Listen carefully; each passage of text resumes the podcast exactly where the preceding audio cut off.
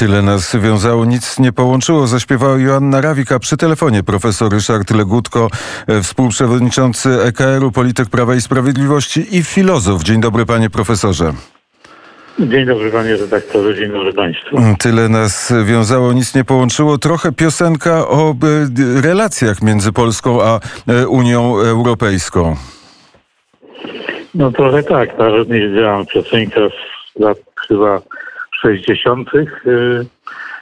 ubiegłego stulecia okazała się prorocza w wykonaniu Joanny e, Rawik. No to, że różnice są wśród krajów, wśród regionów Europy, ile są napięcia, to myśmy wiedzieli. Natomiast relatywnie nowym zjawiskiem jest to, że lewica europejska okopana w tych instytucjach rozpoczęła zimną wojnę z rządami mm, konserwatywnymi, prawicowymi w Europie i tą wojnę prowadzi dość e, brutalnie. No, wydawałoby się, że wynik e, wyborczy, decyzja elektoratu będzie szanowana, no ale okazuje się, że, że nie jest szanowana, że, instytucje europejskie i, i część rządów tak naprawdę chce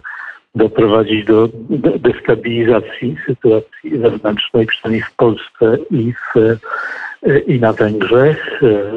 Z mniejszą może energią w stosunku do Słowenii to robi, no, po, po to, żeby te rządy były, te, te kolejne rządy były po, posłuszne tej mm, e, e, panującej ortodoksji. No to jest oczywiście to jest zjawisko nowe i szalenie niebezpieczne. O tej zimnej wojnie za chwilę będziemy rozmawiali, ale najpierw otwórzmy drzwi do e, Faubourg Saint-Honoré 55. Tam jest Pałac Elizejski. Dzisiaj wizyta prezydenta Andrzeja Dudy, e, spotkanie z prezydentem Emmanuelem Macron. E, czy to jest przełamywanie lodów, które występują między, między właściwie krajami Europy Zachodniej w tym znaczeniu z 89 roku, a Rzeczpospolitą?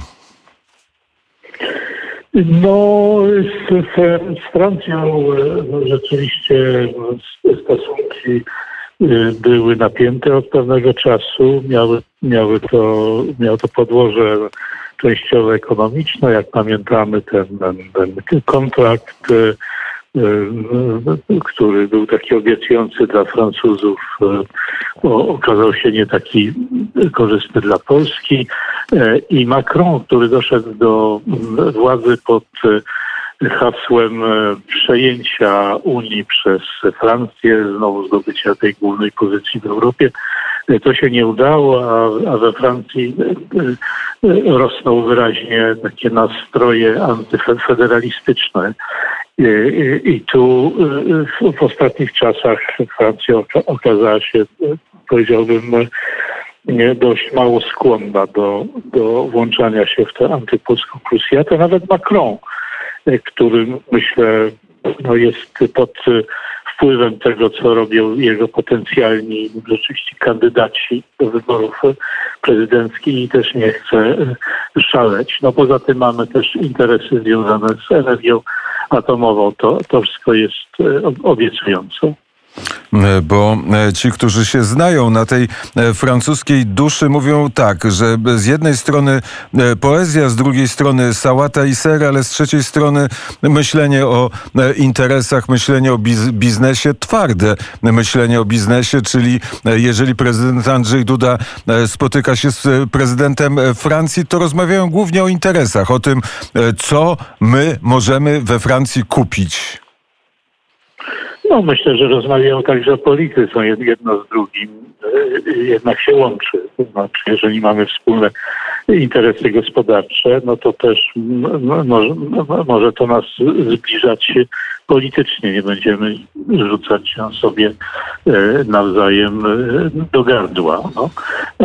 Opozycja francuska stoi po stronie Polski. Tam tych, tych kandydatów w wyborach prezydenckich jest kilkoro, niektórzy oficjalnie, niektórzy nie. I oni też bardzo wyraźnie po stronie polskiej się opowiadają, więc jak powiedział Macron jest chyba pod presją, to jest, to jest dobry czas na, na taką wizytę i na robienie interesu z Francją. Ale, bardzo dobry. E, ale czy uda się za pomocą francuskiego klucza e, otworzyć te, ponownie otworzyć te wrota do Europy, żeby Europa e, w końcu i politycy europejscy zaczęli mówić o faktach, a nie ideologicznej, a nie prowadzili ideologicznej dyskusji z Polską i skazywali ją na siedzenie na ławie oskarżonych? No to się no, okaże. Najważniejsze, żeby mieć tych e, dużych e, graczy za sobą, a w każdym razie nie przeciw sobie. Jak mówię, z Francją w tej chwili są pewne szanse. No, Niemcy zawsze byli trudnym, trudnym partnerem, no bo polityka niemiecka polega od dłuższego czasu na e, organizowaniu życia innym krajom, innym społeczeństwom. To jest to, co po II wojnie światowej e, alianci mieli zablokować, do tego nie dopuścić, ale po jakimś czasie Niemcy znowu prawda, prowadzą tę politykę. No tym razem to jest taka polityka do, do, dobrego wujka, ale też takiego resurowego, który mówi, no to wam wolno, tego nam nie wolno. E, więc e, Niemcy są e, trudnym partnerem, ale, ale no, stamtąd głosy przychodzą takie, powiedziałbym, ambiwalentne. No, media y, niemieckie, a te media mówię właściwie jednym głosem, wszystkie to jest też charakterystyczne dla tego y, y, kraju, są wściekle antypolskie. To znaczy te, te relacje z Polski to nawet to nie są żadne, żadne relacje, to są jakieś manifesty antylądowe. E, natomiast to wydaje się, że jest pewne otrzeźwienie po, po stronie politycznej. No w każdym razie takie sygnały wyszły od Angeli Merkel. No szkoda tylko, że teraz Angela, Angela Merkel miała trochę czasu, będąc przy, bardzo długo przy władzy na tym fotelu kanclerskim. Jakoś wcześniej mogła, ale widocznie jej się nie, nie, nie spieszyło. No w, w każdym razie to jest ta, to jest ta droga, myślę, to znaczy kontakty ożywione z, z rządami, z głowami państw, bo Parlament Europejski to jest instytucja stracona, y, tu w ogóle nawet szkoda y, czasu.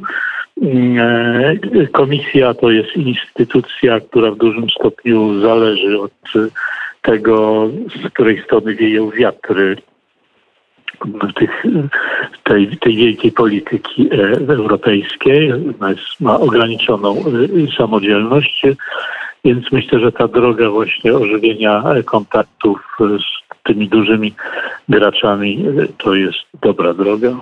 E, e, i droga, na której rząd Mateusza Morawieckiego może odnieść e, sukces, może przekonać tych liderów europejskich i żeby uznali argumenty Polski, które wydają się takimi zwykłymi, racjonalnymi argumentami. No tak, więc, więc myślę, że tak. Trudność polega między innymi na tym, że y, obraz Polski jest obrazem y, karykaturalnym. Nie mają prawda, podstawowych informacji na temat tego, co się dzieje w Polsce. No niby skąd mają mieć, więc, więc może się uda przekonać. Jeżeli, y, jeżeli śledziliśmy te wypowiedzi i komentarze po wystąpieniu pana premiera Morawieckiego w Strasburgu, no to prawie we wszystkich y, mediach od y, Hiszpanii po y, Niemcy pojawiała się ta sama informacja, że prawda, Polska i premier Polski podważa jedność prawa europejskiego i na to sobie nie można pozwolić, bo od, od tego zależy stabilność i przyszłość Unii. E, a to przecież była jawna nieprawda. Przecież niczego takiego premier Morawiecki e, nie powiedział. Prawda? On powiedział, że tak, jedność prawa europejskiego tam, gdzie instytucje europejskie mają swoją wyłączną kompetencję. To jest zapisane w traktatach. To nie jest to samo, co podważanie jedności prawa e, europejskiego. I teraz no, wielu ludzi wpływowych na, na Zachodzie, kiedy czyta we wszystkich mediach taką samą informację, no to nie może, mało komu przyjdzie do głowy taka myśl, że, że wszystkie piszą nieprawdę. Przecież to niemożliwe, żeby wszystkie pisały nieprawdę. No okazuje się, że jest możliwe. Więc my również musimy się przebić przez tę e, barierę de dezinformacji, która jest i to jest, i to jest e, e, bardzo trudne. No może właśnie w takich rozmowach bezpośrednich udaje się przekonać, że takie rozmowy są przygotowywane. To nie jest tak, że nagle dwaj panowie się y, spotykają, czy, czy y, pan premier z panią kanclerz, pan prezydent z panią kanclerz się y, spotykają i zaczynają rozmowę od zera. Takie, takie spotkania są przygotowywane, więc wiele zależy od tego, jak, jak to jest przygotowane, żeby jednak dotrzeć z tym naszym przesłaniem, które, jak słusznie pan redaktor powiedział, jest no niesłychanie zdroworozsądkowe. Tu nie ma tam żadnej, nie ma żadnej ekstrawagancji. A pan profesor powiedział o karykaturalnym przedstawieniu Polski. Nie wiem, czy e, widział pan e, karykaturę, która ukazała się w e, holenderskiej prasie, takich grupa eleganckich dżentelmenów, a naprzeciwko człowiek pierwotny z maczugą, który by idzie na nich po prostu z pełną siłą i ma napisane, nie wiem, czy ma koszulkę, ale ma napisane Poland, tak, że to Polska i z maczugą rozwala Unię e, Europejską i chce ją strzaskać jak e, filiżankę kiedyś, e, która pani Pompadour spadła w Pałacu Elizejskim, bo to też mogło się zdarzyć. Tak, no ciekawe jest właśnie, że, że pewien nastąpiło podniesienie poziomu szaleństwa w, w Holandii prawda? Za ta akcja parlamentu, rządu, za premierutę, e, żeby ukarać Polskę. Nie wiem, nie wiem skąd to się bierze. E, Holandia to jest oczywiście takie laboratorium e, postępu w, w Europie. Największe dziwactwa tam są wprowadzane pod hasłem E, postępu. E, no, kraj, który e, ma swoje oczywiście problemy. Skąd się nagle wzięło to, że upatrzyli sobie Polskę? Nie, nie sąsiadujemy, niewiele o sobie wiemy, dlaczego właśnie no może, może, może ten wpływ te, tego właśnie mm, tej, tej ideologii postępu, który tam jest tak mocny i, i dlatego kraj, rząd konserwatywny jawi się jako kraj e, barbarzyński, nie kraj, z którym można prowadzić interesy i który wybrał inną, e, prawomocną e, drogę rozwoju, tylko właśnie jako, jako wróg. Proszę pamiętać, że lewica y, zawsze patrzy na, na, na prawicę, zawsze patrzyła jako wroga, nie y, konkurenta, y, nie oponenta, nie przeciwnika, ale wroga. Tego, co wkłada kij w te szprychy kół postępu. I, i ja to tak, tak tłumaczę to antypolskie wariactwo w Holandii.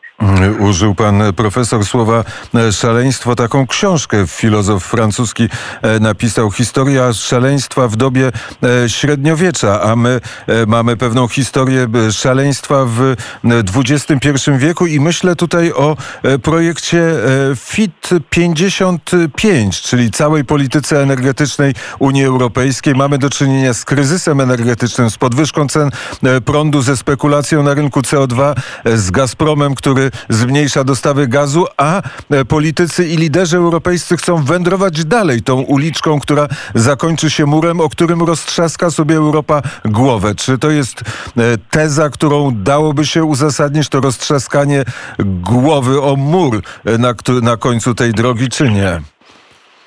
Mm, tego nie wiem, to zobaczymy. Natomiast ta teza o, o, o szaleństwie jest tezą prawdziwą. Znaczy ja to obserwuję właśnie w, w, w parlamencie. Tam, tam w ogóle mm, jakiejkolwiek racjonalnej wymiany zdań nie ma i to ogarnęło całą Unię. Czy komisja uległa tej presji niebywałej tego parlamentu? E, czy są jakieś inne powody? Ale proszę zwrócić uwagę, że całe to uzasadnienie, jakie przedstawia Unia, jest uzasadnieniem no, skrajnie nie, niepoważnym, bo, ponieważ wpływ e, emisji e, tej e, europejskiej na, na to, co się dzieje na, na świecie jest znikomy. Wobec czego można by jakoś troszkę to przystopować i ograniczyć, zważywszy na, na skutki, zważywszy na, na, na Gazprom, zważywszy na, na, na Nord Stream i tak dalej. Można by to jakoś zracjonalizować. Ale oni tego nie chcą. Dlaczego? Bo, bo mówią, e, to prawda, że nasz wpływ nie jest taki duży, ale musimy pokazać światu. Prawda? Musimy dać taką lek lekcję E, takiego prymusostwa ekologicznego. Musimy się okazać światowymi prymusami. Niech inni to zobaczą, a zobaczywszy się zawstydzą, a zawstydziwszy się pójdą e, naszymi śladami. Brzmi to e, trochę głupawo, to co ja powiedziałem w tej chwili, ale tak to jest. E, może nie dokładnie tymi, tymi słowy, ale, ale padają właśnie takie, ta, ta lekcja, musimy pokazać, jest tego typu retoryka. Nie, że to zracjonalizuje, będzie miało to realny wpływ, tylko właśnie, że my to realizujemy, program, ekologiczny program zbawiania świata. No stąd znowu to słowo szaleństwo się na, na rzuca.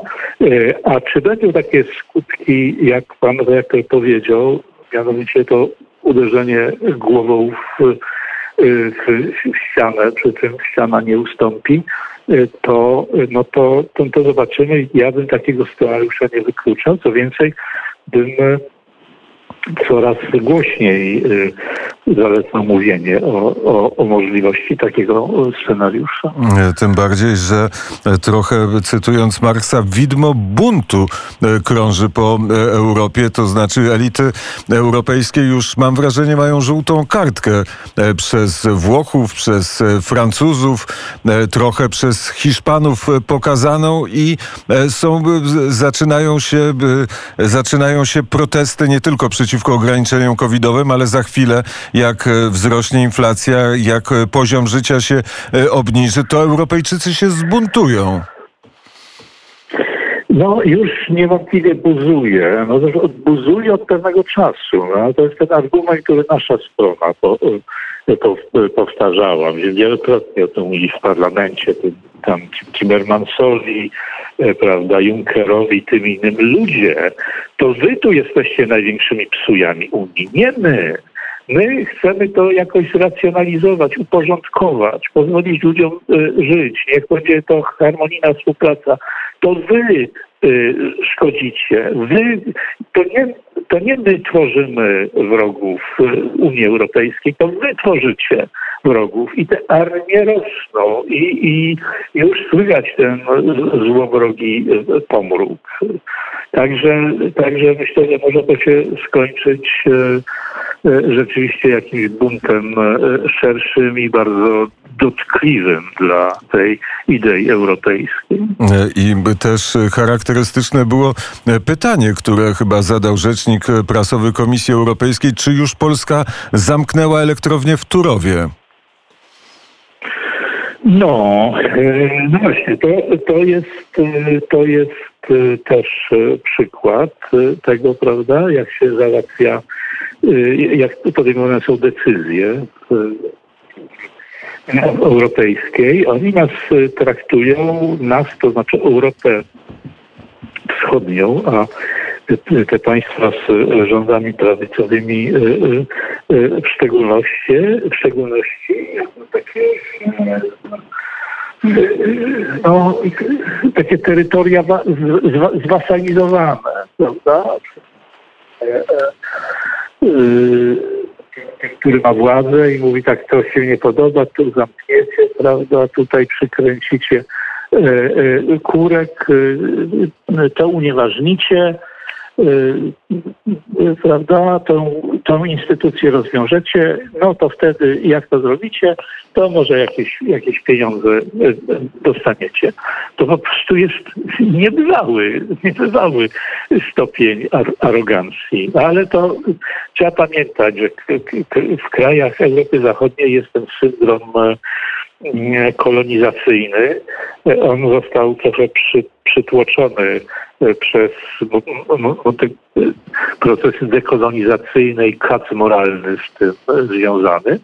No ale nagle się odrodził w stosunku do Europy Wschodniej, no bo to i znowu, prawda, ten Zachód występuje jako placówka postępu, siła cywilizacyjna, no to muszą jednak zrobić porządek w tej wschodniej Europie, no tak nie może być, prawda, musimy, musimy załatwić, wobec tego jest ta metoda wysyłania kolejnych rozkazów jakichś prawda? A nawet pojedyncze osoby, no, funkcjonariusze, urzędnicy stawiają się w pozycji suwerenów, prawda, czy, czy jakichś super namiestników nad Polską i polskimi instytucjami. Panie profesorze, nie wiem, czy to jest zadanie godne filozofa, ale prośba o to, żeby coś optymistycznego pan na koniec naszej rozmowy powiedział.